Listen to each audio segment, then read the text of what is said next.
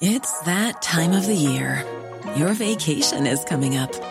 You can already hear the beach waves, feel the warm breeze, relax, and think about work.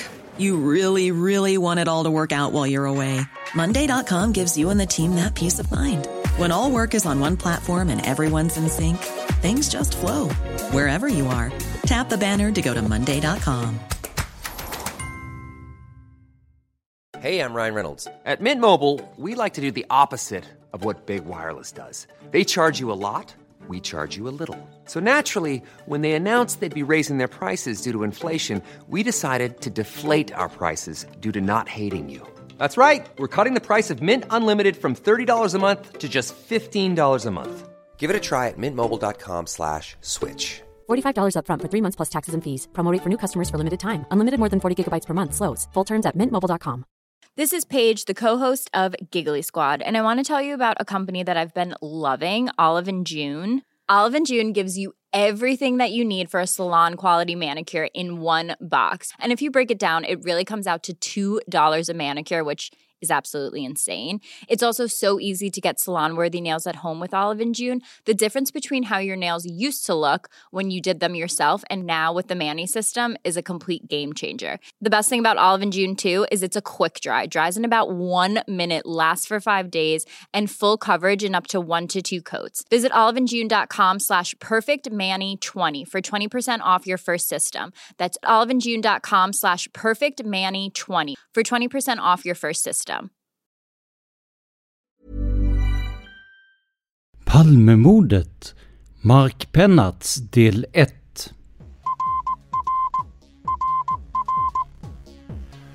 Sveriges statsminister Olof Palme är död. 90 000. Ja, det är mord på Sveavägen. Hörde de säger att det är Palme som är skjuten. Mordvapnet med säkerhet är en Smith Wesson, en revolver kaliber .357. Inte ett svar. Det finns inte ett svar. För jag har inget. Och jag har inte varit Varför skulle jag göra Polisen söker en man i 35 till 40-årsåldern med mörkt hår och lång mörk rock. Välkomna till podden Palmemordet som idag görs av mig, Tobias Henriksson på PRS Media. Innan vi kör igång med dagens avsnitt har vi lite information till er som lyssnar. Det första är det gamla vanliga som går ut på att det går alldeles utmärkt att sponsra oss om du vill. Då kan vi göra längre avsnitt och bjuda in fler gäster. Och det här, ja det gör du lättast via patreon.com palmemordet där du kan skänka en summa som podden får per publicerat avsnitt. Det är alltså patreon.com palmemordet. Du kan också donera via Swish och nytt för i år är att du hittar numret direkt i avsnittsbeskrivningen. Om du swishar oss, märk ditt bidrag med Palmemordet så att Dan kan hålla ordning på vilken podd det är som avses. Vi vill också passa på att vidarebefordra ett meddelande från gruppen Palmemordet, FUP och övriga handlingar. Det är eldsjälarna i den här gruppen som ser till att det kommit ut ett stort antal tidigare hemligstämplade dokument från Palmeutredningen. Till allas beskådan och utan att det kostat läsarna någonting. Tyvärr har aktiviteten i gruppen gått ner på senare tid och sedan jul är den mer och mer avstannande. Jag och Dan stöttar det här projektet helhjärtat, även om det inte drivs av oss, så vi vill gärna slå ett slag för det. Du kan nämligen hjälpa gruppen med att begära ut handlingar, scanna in de dokument som kommer in och mycket mer. I avsnittsbeskrivningen till dagens avsnitt hittar du adressen till gruppens Facebook-sida. Gå gärna in där och hjälp till så att gruppen kan fortsätta verka som tidigare. Det gör ju också att vår podd får nytt material som vi kan vidarebefordra till er lyssnare. Så med en enkel insats gör ni alltså nytta även för oss. En del av de dokument som släppts sedan det att Palmeutredningen officiellt lades ner kommer att nämnas i dagens avsnitt. För nu är det dags att prata Christer A igen. Men inte med hjälp av Dan som ni kanske är vana vid, utan med den nederländske journalisten och författaren Mark Pennartz. I dagarna kom hans bok Olof Palmes sannolika mördare ut på just nederländska och vi på podden Palmemordet bestämde oss för att prata lite med Mark om utredningen, Christer A och mycket annat. Det här är del ett av det samtalet, vilket gör att ni får ännu mer till livs om det här ämnet redan nästa vecka. Men vem är då Mark Pennartz? Så här beskriver han sig själv. Ja, um, jag är Mark, Mark Pennartz. Jag är en uh, utbildad uh, journalist från Holland. Uh, jag bor i Belgien nu för tiden. Um, sedan slutet av 80-talet eh, jobbade jag för eh, flera tidningar i, i Nederländerna och Belgien. Och ehm, um, 2016 kom min första bok om Palmemordet. Eh, det var den första boken på holländska som beskrev de viktigaste teorierna kring Palmemordet, till exempel Christer Pettersson, PKK, 33-åringen och så vidare. Och, och även Christer A. Och ehm, nu finns det sedan några dagar ehm, min nya bok som heter på holländska De vermoedelijke moordenaar van Olof Palme. Och som översätts skulle det bli um, lite som Olof Palmes sannolika mördaren. Så det är en liten blink mot uh, Thomas Petterssons bok. du är från Nederländerna men vi sitter ju och kommunicerar på, på svenska. Hur kommer det sig att, att, eh, att du pratar så bra svenska? Hur ser kopplingen till Sverige ut? Ja, kanske det började när jag var barn med att titta på Pippi Långstrump. och eh, jag var också, jag, jag, minns att jag eh, på grundskolan var jag eh, Eh, mycket imponerad av, den, eh, av bildspel från eh, den nordiska naturen. Och de mörka skogarna, de, de hade något spännande trodde jag. Det, fanns, de finns inte här, sådana skogar. Och när jag var vuxen då eh, började jag jobba på en, en, en, tidning som, som handlade om eh, justitsbrott och eh, rehabilitering av brottslingar. Och det, det, var då att jag besökte Sverige för första gången eh, eftersom det, det fanns en, eh, en konferens, en europeisk konferens i Sigtuna nära Stockholm. Och ehm, då, ja, då, då blev jag lite förälskad i Sverige och det, det gällde både naturen och också och kulturen. Och, Ehm, efter det eh, gick jag tillbaka många gånger på semester och eh, mellan 2008 och 2015 eh, bodde jag faktiskt i Sverige. Um, och det, det kanske um, ja, en, en en, en, en slump, uh, slumpartig uh, var det att jag flyttade den 9 juni 2008 och som jag nu vet var det den sista födelsedag uh, från Christer A. Och eh, av mina sju år i Sverige bodde jag sex år i Stig Engströms uppväxtstad Nybro. Så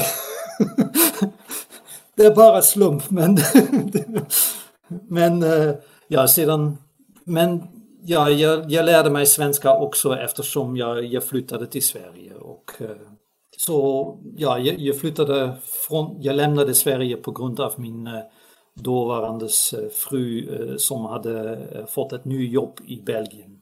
Så, men eh, jag tittar fortfarande på svensk TV och, och läser tidningar på svenska. Du hade jobbat med, ja men som du säger, journalistik om ja, krim och liknande. Var det naturligt då att du fick upp ögonen också för eh, Palmemordet som, som händelse då? Ja, delvis kan jag säga. Det, det var så att um, jag växte upp på 70-talet när eh, Palme var fortfarande vid liv och eh, han var redan, han var också i Holland var han eh, mycket väl känd. Ehm, och på den tiden var Sverige ett, ett, ett förebild för många andra länder. Och eh, Palme var, var Sveriges ansikte då. Och eh, så jag, jag, kände honom redan då och eh, jag, jag, jag pluggade journalistik när, när han mördades. Och eh, så det, det, var något som följde jag. Men självklart i, i Holland och, och, och också här i Belgien det finns inte så mycket som, eh, inte så många artiklar om, eh, om Palmemordet och eh, böcker.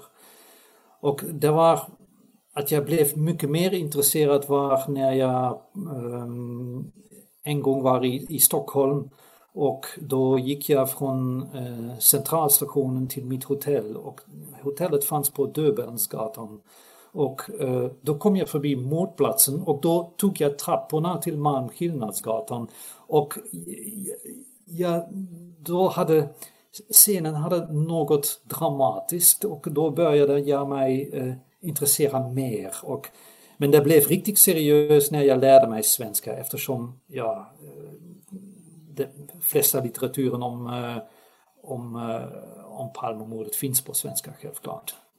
Men, men alltså Palmemordet är, är, är ju en sak.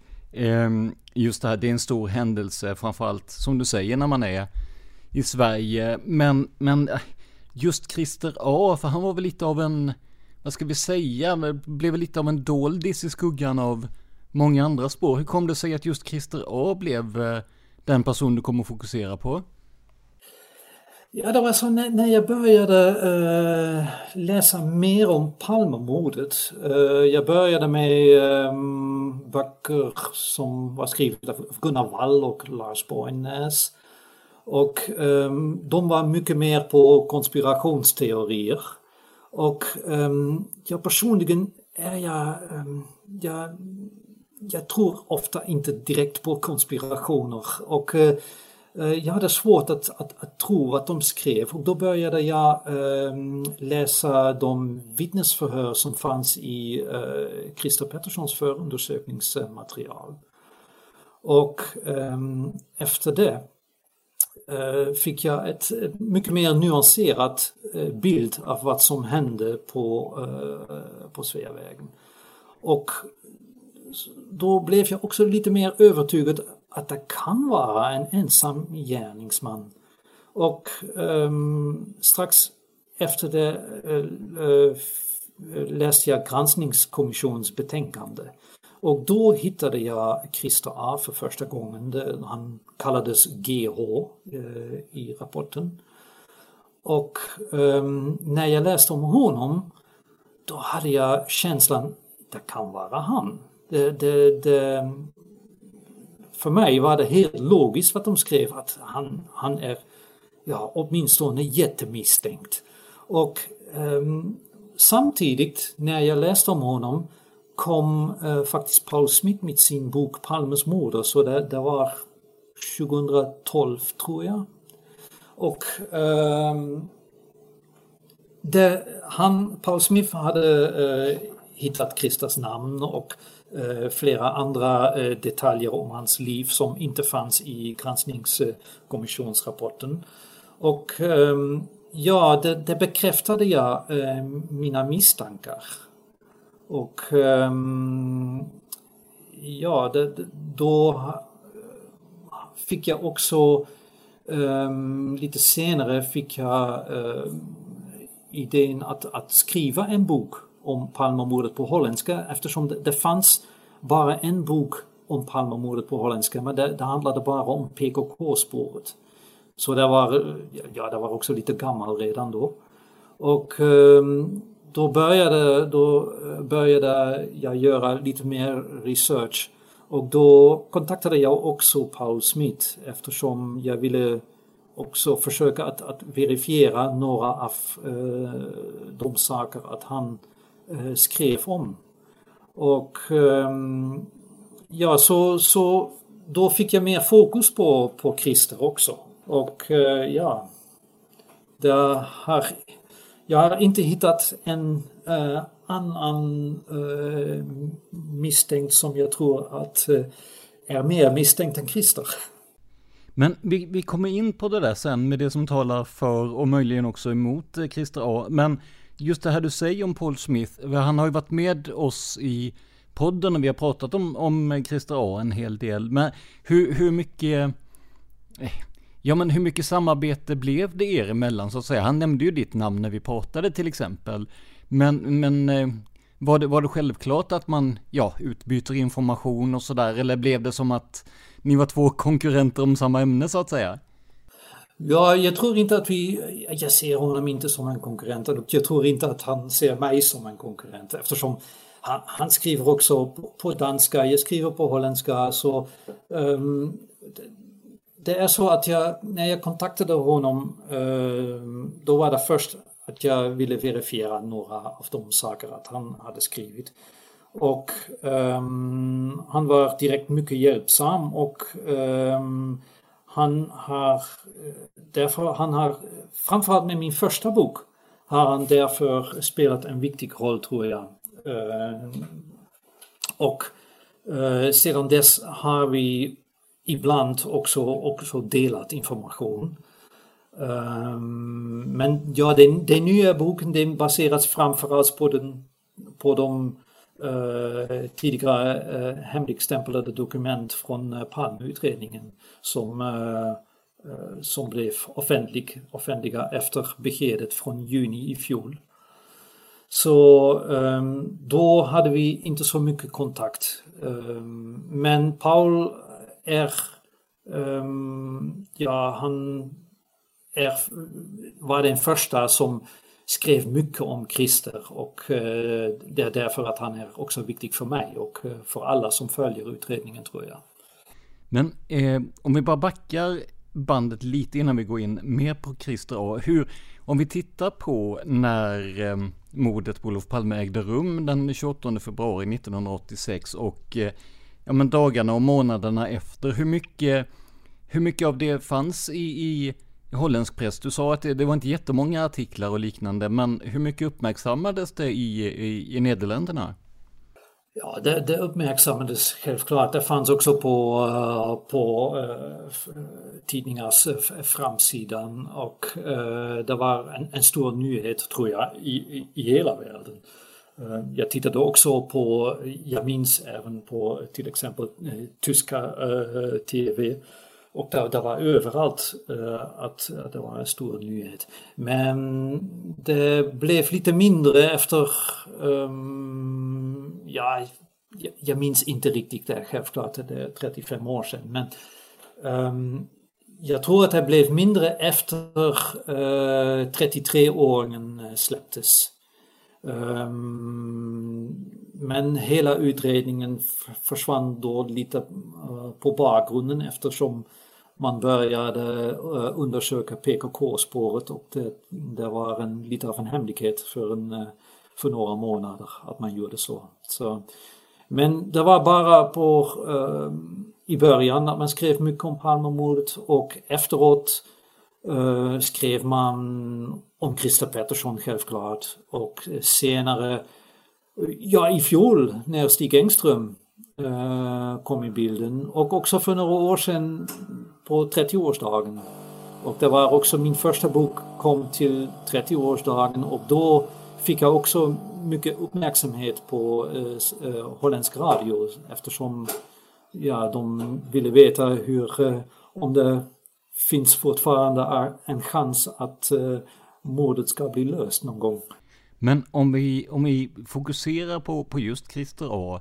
Vad, vad är det som, vad var det du fastnade för hos honom? Vad var det som, som du såg gjorde honom till en, en, en möjlig mördare? Vad var det som talade mest för honom? Ja, um, eftersom jag, jag förväntade frågan gjorde jag en lista ja. eftersom det finns så mycket. um, men jag skulle vilja börja med att inte titta först på Christer A, men eh, framförallt på eh, teorin om det var en eh, konspiration eller en ensam gärningsman. Och um, det, min första tanke var också när jag läste mer om uh, mordet och när jag läste vittnesförhör var att, att modus operandi uh, indikerar en, en ensam gärningsman mycket mer än en konspiration trodde jag. Och um, det, det, skrivs mycket om konspirationer men nästan alltid bara som ett motiv. Men de, de teorierna de stöds inte av de fakta vi känner till. Så um, det, det, var viktigt för mig att fokusera på uh, en ensam gärningsman eftersom det finns många fakta som, som stödjer det. Så um, när man det fanns också en, en, en brottsanalys Eh, gärningsmannaprofil som hade en del eh, som var en brottsanalys och den ger en, en, en uppfattning om, om vilken typ av gärningsman eh, var inblandad. Och ehm, att, det, att det självklart var inte en, en professionell mördare. Och så det, det var viktigt att om det är en ensam gärningsman vilken person är då eh, en, en reell eh, möjlighet? Och eh, sen kommer kom, kom, kom jag till, till Christer. Ehm, det första var självklart det som de flesta vet om Christer är att han ägde den, den enda Smith Wesson av rätt typ som eh, legalt var närvarande i Stockholm på morddagen och som aldrig testades. Så det, det var den första eh, saken.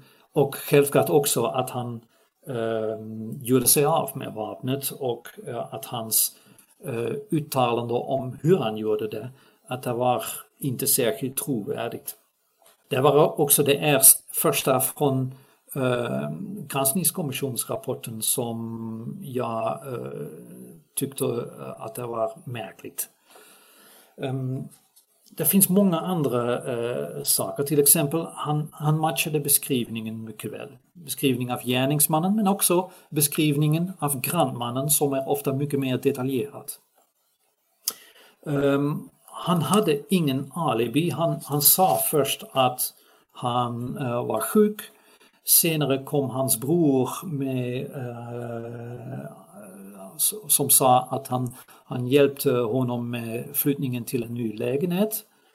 Um, och uh, några år senare sa Christer bara att han sov. Så han hade ingen alibi hur som helst och det är möjligt att han faktiskt ljög om, uh, om vad han gjorde den här dagen. Um, han bodde inom gångavstånd. Uh, han, han kände, kände till området, han, han gjorde faktiskt ingen hemlighet av att, eh, att han eh, kom ofta på, på Sveavägen. Ehm, det fanns många anhöriga som sa att han inte tyckte om Palme, faktiskt hatade honom. Ehm, han var aktiehandlare eh, och momshöjningen som, som meddelades dagen före mordet den kommer säkert att ha irriterat honom kan man säga. Vi vet att han, kan, han kunde vara eh, våldsam. Han blev dömd för djurmisshandling och eh, han blev också dömt, dömd senare eh, av miss, eh, för misshandling av en kille eh, på tåget. Um, han var en utmärkt skytt. Han var den bästa i, i sin uh, skytteklubb. Han um, var också är märkligt att han uh, trots att han flyttade uh, till, till först Västerhaninge och senare uh, Tungelsta och, och Trångsund. trots det besökte han Sveavägen flera gånger i veckan för att dricka kaffe mitt emot mordplatsen. Men han hade ingen rimlig anledning att Eh, att åka till Sveavägen så ofta eftersom han hade inget jobb. Han hade inga vänner där. Han, det fanns, ja, han var ingen person som gick eh, shoppa hela tiden. Um, så det är också lite, lite konstigt. Um, vad finns mer? Eh, han, han bröt med sina rutiner efter mordet. Eh, till exempel han, han deltog inte i tävlingar eller andra aktiviteter i skytteföreningen under 1986 trots att han var eh, klubbmästaren 1985 och blev klubbmästaren eh, i 1987 igen. Um, ja, det finns också flera av hans anhöriga som anser att han är den uh, gärningsmannen. Han hade den Eh, psykologiska profilen som eh, eh passar någon som eh, dödar politiker eller kändisar. Um, och vad jag tyckte var också märkligt när jag läste förhören med, med Christer var att han han visade ett mycket ovanligt beteende för någon som är oskyldig. Ehm, eftersom han, han berättar halva sanningar, eh, han undviker eh, svåra frågor, eh, pratar mycket liksom han observerar utredningen istället för att svara på frågor om, om honom själv. Han vill inte samarbeta med polisen det, det är mycket ovanligt för någon som är oskyldig. Så det, det är en hel rad av... It's that time of the year. Your vacation is coming up. You can already hear the beach waves, feel the warm breeze, relax and think about work. You really, really want it all to work out while you're away. Monday.com gives you and the team that peace of mind. When all work is on one platform and everyone's in sync, things just flow wherever you are. Tap the banner to go to Monday.com. would you like to look five years younger? In a clinical study, people that had volume added with Juvederm Voluma XC in the cheeks perceived themselves as looking five years younger at six months after treatment. Look younger, feel like you. Add volume for lift and contour in the cheeks with Juvederm Voluma XC. Reverse signs of aging by adding volume to smooth laugh lines with Juvederm Volure XC. For important safety information and to find a licensed specialist, visit juvederm.com. That's J U V E D E R M.com. Not for people with severe allergic reactions, allergies to lidocaine, or the proteins used in Juvederm. Common side effects include injection site redness, swelling, pain, tenderness, firmness, lumps, bumps, bruising, discoloration, or itching. There's a risk of unintentional injection into a blood vessel, which can cause vision abnormalities, blindness, stroke, temporary scabs, or scarring. Talk to a licensed specialist to find out if it's right for you. Burrow's furniture is built for the way you live. From ensuring easy assembly and disassembly to honoring highly requested new colors for their award-winning seating, they always have their customers in mind. Their modular seating is made out of durable materials to last and grow with you. And with Burrow, you always get fast, free shipping. Get up to 60% off during Burrow's Memorial Day sale at burrow.com slash ACAST. That's burrow.com slash ACAST. burrow.com slash ACAST. Just det här med att inte vilja så att säga samarbeta med utredningen och sådär. Jag kommer ju tänka på, jag har gjort en del avsnitt om eh, den så kallade 33-åringen Viktor Gunnarsson då. Och, och, där hade vi också en som verkligen inte ville samarbeta med utredningen. Han, han ljög ju också fast sig i, i någon slags alternativ historia där. Så jag, jag tänker, eh, du tror inte att det kan vara en sorts ehm, eh, vad ska man säga, en, en, sorts försvarsmekanism när man hamnar i en trängd situation. Att man, eh, ja, att man helt enkelt försöker vara så mycket till hjälp så att det inte blir någon, eh, någon riktig reda med det. Att man blir väldigt nervös helt enkelt. Ja, det, det, det är möjligt men um, det är så i, i, i Christers fall är det så att det finns en lång rad av sådana omständigheter som jag nämnde. Så, um, så det, om det är bara en indikation att någon kan bli uh, mördare. Ja, uh, man kan hitta en indikation vid varje svensk kanske som levde 1986. Men om det finns en hel rad Eh, av indikationer att någon har eh, gjort något som, eh, som har med, med Palmemordet att göra, då, då blir det mycket mer misstänkt. Och med 33-åringen var det så att han Visst, han, han fabulerade också ganska mycket. Men um, när man tittar på honom finns det bara det kanske. Det fanns nästan inget alls som gör honom misstänkt. Men jag, tänkte på en sak också. Det finns ju den här berömda historien om att eh, Christer A ska ha skjutit på tv när Olof Palme visades där. Eh, vad, vad, vet du om det? Det har pratats om att, att det var ett medvetet skott, det har pratats om ett vårdarskott och sådär.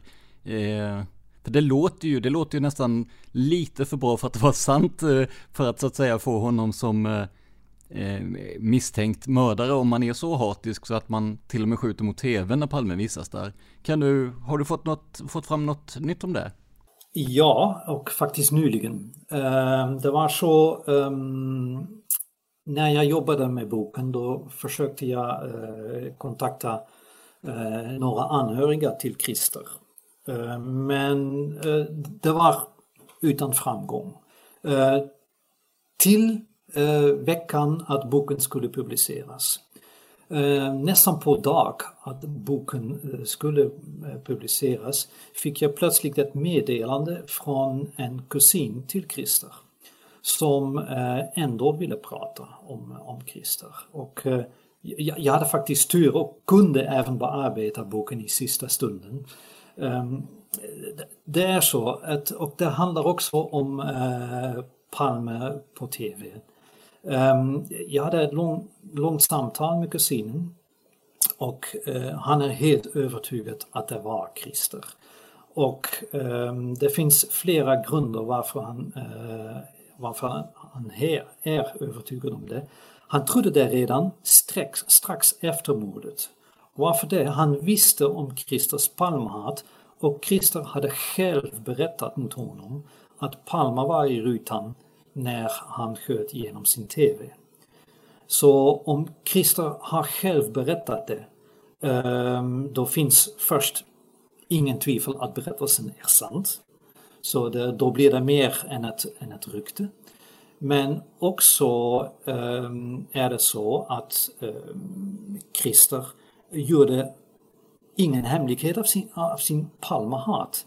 Uh, eh, kusinen visste direkt dagen efter mordet, när han hörde eh, om mordet, trodde han direkt att det var Christer. Han har eh, faktiskt eh, försökt att undvika Christer eh, några månader eftersom han var, han var, han var rädd. Och ehm, eftersom han visste, eh, Christer var ehm, innan mordet var han eh, rätt öppen om sin Palmahat mot kusinen. Så jag tror inte på ett vårdarskott. Nej, nej. Så att eh, kusinen, som jag förstod det, är helt övertygad om att Christer A är den som, som mördade Olof Palme helt enkelt? Ja, det kan man säga. Du, du sa att du har sökt andra anhöriga. Har du, har du fått, någon, fått något napp också hos andra anhöriga än den här kusinen? Eller hur, hur har de anhöriga ställt sig till att prata med dig? Um, det var en som jag eh, eh, som, som, som nekade att vara eh, släkt till Christer. Så eh, det, det, var min första fråga också. För det finns, Christer har ett mycket vanligt eh, efternamn. Och när man eh, hittar någon som man tror på grund av vad man har utrett att den är släkt då vill jag först kolla. Så det var också min första fråga om, om den personen var kanske en släkt. Eh, men personen nekade, så om man nekar då, då eh, förstår jag att man inte vill prata om det. Jag har också försökt att kontakta en annan, eh, erbjöd den personen att eh, kommentera boken men var ointresserad. Eh, jag, jag, förstår också från kusinen att det är... Um, ja, jag är inte förvånad om det. Uh, det är självklart är det också ett, ett mycket ovanligt läge för, för, för, för, hela släkten. Um, en statsministermördare i familjen, ja, vad, ska, vad ska man göra då? Vad ska man säga? Det är ingenting att vara stolt över. Och det har vi ju sett också på anhöriga till eh, andra misstänkta som har pekats ut. Jag har ju själv försökt till exempel kontakta Viktor Gunnarssons anhöriga som inte vill ställa upp. Eh, de, de få personer som kände Christer Pettersson eh, eh, bra har ju inte på något sätt velat ställa upp. I och för sig behövde de ju inte det för Christer Pettersson ställde ju upp under sin levnad ganska flitigt men Ja, det kan man säga. Ja. Det måste ju vara en Ja, det måste vara en, en väldig en väldig chock och en väldigt ovan situation, absolut. Ja, alltså så jag, jag, kan tänka mig om jag var i samma eh, läge då hade jag kanske också nekat äh, att, eh, att kommentera. Men okej, okay, jag, jag, var glad i alla fall att eh, kusinen var beredd att, att prata om det. Och ehm, ja, det är också någon sak som har med honom att göra. Det, det är så att um, kusinens tidigare sambo har eh, berättat till polisen att Christer hade erkänt mordet mot kusinen. Ehm, men det är så att kusinen eh, säger att hon, hon, hon hade missförstått det, detta. Så ehm, jag, jag, vet inte om det är sant, men eh, jag kan faktiskt tänka mig att kanske hans tidigare sambo uh, förvirrade två uh, saker. Skottet mot TV och skottet på Sveavägen. Så. Innan, vi, innan vi fortsätter här med det som, det som eventuellt skulle tala emot honom, så det är ju några saker som, som jag finner intressanta. Hans eh, till exempel hans eh, bortgång, men alltså hur, hur såg hans tid ut de, de sista åren? Eh, och, och sen också då med, eh, ja, när han eh, eh, helt enkelt eh, tog sitt liv där. Kan du berätta lite om det? Ja, ehm, det, det är så att han började jobba hos Scania eh, några år innan han dog. Eh, han jobbade också eh, på Scania när han blev dömd för, för misshandling av, av den kille som, som var på tåget. Och um, det var så att han, kusinen berättade för mig att uh, Christer uh, hade ett ganska uh, bra jobb på Scania men det kom en reorganisation och då var principen last in first out. Så då blev han eh, varslad. Och um, som jag har förstått, han, han hade redan eh, svåra psykiska problem som, som, som är känt också från eh, tidigare.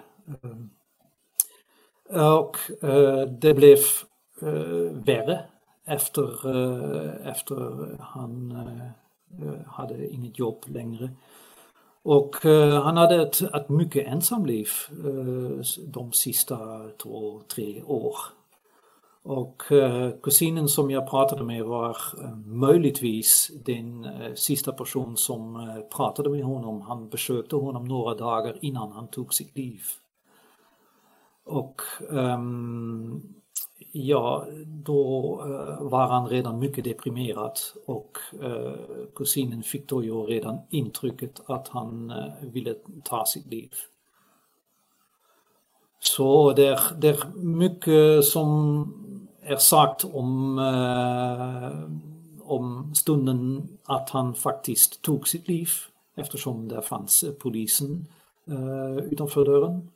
Um, Ja, det, det, är så också att hans bror han fick eh, ett brev från Christer några dagar innan, han, eh, innan hans självmord.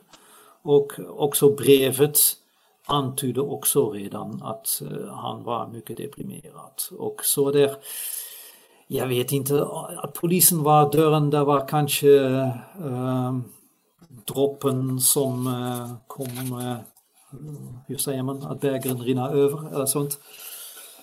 Men jag kan inte säga, han, han var faktiskt depressiv och deprimerad och det hade inte bara med Palmemordet uh, att göra, om det har någonting att göra med Palmemordet. Men det var väl den här brodern som du pratade om, det var väl han som ringde polisen också och sa att han var bekymrad för sin bror? Ja, det stämmer ja. Men nu har man ju den situationen att en av de personerna som man ja, har tittat på i alla fall någorlunda är bortgången då. Man kan ju tänka sig att man skulle bli väldigt intresserad av eh, att sätta igång en stor utredning om det här. Men ändå så, du kallar ju Christer A för något av, av det glömda spåret eller lite sådär eh, det bortglömda spåret. Hur, hur, hur kommer det sig att det blev så? För att jag menar, utifrån, utifrån de fakta vi har så verkar han vara en ganska, ja men han verkar ju vara minst lika trolig som kanske Christer Pettersson eller 33-åringen eller för den delen Stig Engström.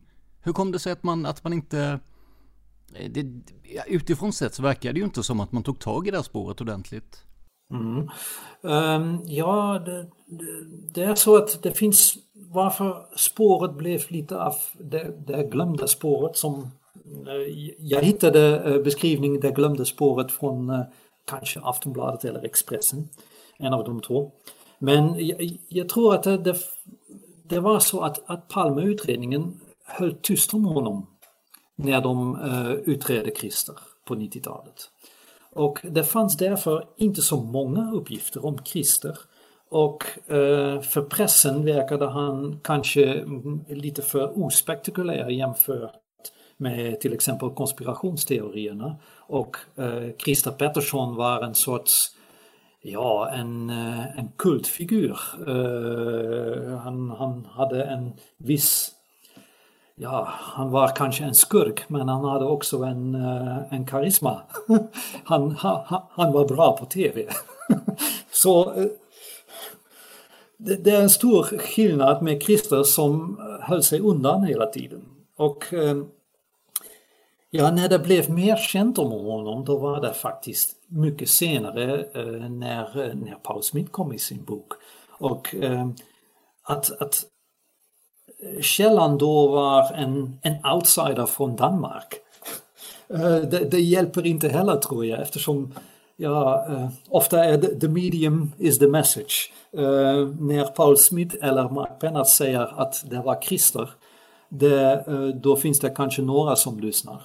Men när Leif GW Persson säger att det var Christer, då blir det en rubrik i Aftonbladet. Så det, det, är också ofta, vem säger det? Och, um, men när man tittar på utredningen själv, då tror jag att det fanns uh, inom Palmegruppen, jag är inte 100% säker, men det som jag tolkade, fanns det två olika riktningar uh, på 90-talet. Det fanns utredare som trodde fortfarande på Christer Pettersson och det fanns några som trodde på Christer A. Ehm, men det fanns också eh, samtidigt en, en stor press från publiken och medierna eh, som var mycket fokuserade på konspirationer. Eh, det fanns de stora sändningar från Lars Borgnäs om flera, om polisspåret till exempel. Och ehm, på den tiden blev också Sydafrika eh, eh, aktuell igen efter uttalande från uh, yrkesmördaren Eugene de Kock. Och då la Palmegruppen också mycket fokus på det. Så det, det fanns också ett, kanske också ett problem att efter mm, ja, att utredningen på, mot Christer A var också lite svår efter alla de eh, som förhörde eh, sa samma sak om honom. Eh, att han var en enstöring och att han inte tyckte om Palme. Men det var också ingen som kunde eh, säga var revolvern fanns. Och det var mycket viktigt för, eh, för, eh, för Palmegruppen tror jag. Och utan revolver var det också svårt att, att komma vidare. Och jag, jag, jag har känslan att de skulle ha sökt djupare och eh, kanske med mer resurser på eh, Kristaspåret. Eh, framförallt skulle de ha eh, försökt att, eh, att, åtminstone försökt att få fram revolvern. Men ja, jag, jag är inte helt övertygad att, att Palmagruppen, att det fanns människor där som, som tänkte olika om saken. Så att det, vad du säger är att hade, hade man, eh, vad ska vi säga, hade man fokuserat mer på det här och kanske tagit tag i det från början så hade vi kanske också haft mer information idag om, om eh, hur det egentligen gick till, eller? Ja, jag hoppas det. Um, kanske det var också ett stort problem självklart att man började uh, uh, utreda Christer uh, åtta, nio år efter mordet. Så man hade då redan, problemet fanns då redan att man kunde inte konfrontera vittne, vittnena med, med Christer. Eftersom många av dem, flera av dem, eh, framförallt Lisbeth Palme, hade redan eh, identifierat eh, Christer Pettersson. Så det gick inte då längre att göra en vittneskonfrontation. Dessutom var det åtta, nio år senare och då är det, ja, det finns inget ingen konfrontation som är 100% säkert efter eh, så lång tid. Så man kunde inte tro på en sån. Så då, då hade man bara kulorna och, eh, och en möjlig vapen. Och då var vapnet var även mycket viktigare än eh, det var i Christer Petterssons fall. Med det säger vi tack till Mark Pennarts för den här veckan. Men vi är som sagt tillbaka med mer från det här samtalet redan nästa onsdag. Förhoppningsvis har ni som tyckt att ljudet på våra distansintervjuer varit dåligt märkt en klar förbättring idag. Vi har nämligen bytt programvara för intervjuerna till ett program som används av sådana storheter som BBC och CNN.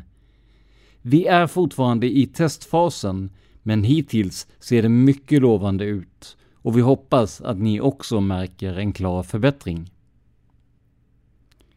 Till sist, glöm inte att ni kan sponsra oss för längre avsnitt med fler spännande gäster. Alla uppgifter finns i avsnittsbeskrivningen. Glöm inte heller att hjälpa gruppen Palmemordet, FUP och övriga handlingar att överleva. Länken till dem finns även den i avsnittsbeskrivningen. Det här var veckans avsnitt av podden Palmemordet som idag gjordes av mig, Tobias Henriksson på PRS Media. För mer information om mig och mina projekt besök facebook.com prsmedia.se eller gilla oss på Instagram där vi heter prsmedia, ett ord, små bokstäver. Tack till alla som hjälper oss att hålla podden levande. Men framförallt, stort tack för att du lyssnar på podden Palmemordet. Man hittar Palmes mördare om man följer PKK-spåret till botten. För att ända sedan Julius Caesars tid har jag aldrig hört talas om ett mord på en framstående politiker som inte har politiska skäl. Polisens och åklagarens teori var att han ensam hade skjutit Olof Palme. Och det ledde också till rättegång. Men han frikändes i hovrätten. Nu ska vi ut och röva, Stråtiga. Vi ska ut och röva. Normally being a little extra can be a bit much. But when it comes to healthcare, it pays to be extra. And United Healthcare makes it easy with Health Protector Guard fixed indemnity insurance plans. Underwritten by Golden Rule Insurance Company, they supplement your primary plan, helping you manage out of pocket costs without the usual requirements and restrictions like deductibles and enrollment periods. So when it comes to covering your medical bills, you can feel good about being a little extra. Visit uh1.com to find the Health Protector Guard plan for you. Planning for your next trip? Elevate your travel style with Quince. Quince has all the jet setting essentials you'll want for your next getaway, like European linen, premium luggage options, buttery soft Italian leather bags, and so much more. And it's all priced at 50 to 80% less than similar brands. Plus, Quince only works with factories that use safe and ethical manufacturing practices. Pack your bags with high-quality essentials you'll be wearing for vacations to come with Quince. Go to quince.com slash trip for free shipping and 365-day returns. Even when we're on a budget, we still deserve nice things. Quince is a place to scoop up stunning high-end goods for 50 to 80% less than similar brands. They have buttery soft cashmere sweaters starting at $50, luxurious Italian leather bags, and so much more. Plus, Quince only works with factories that use safe, ethical, and responsible manufacturing. Get the high-end goods you'll love without the high price tag with Quince. Go to quince.com slash style for free shipping and 365-day returns.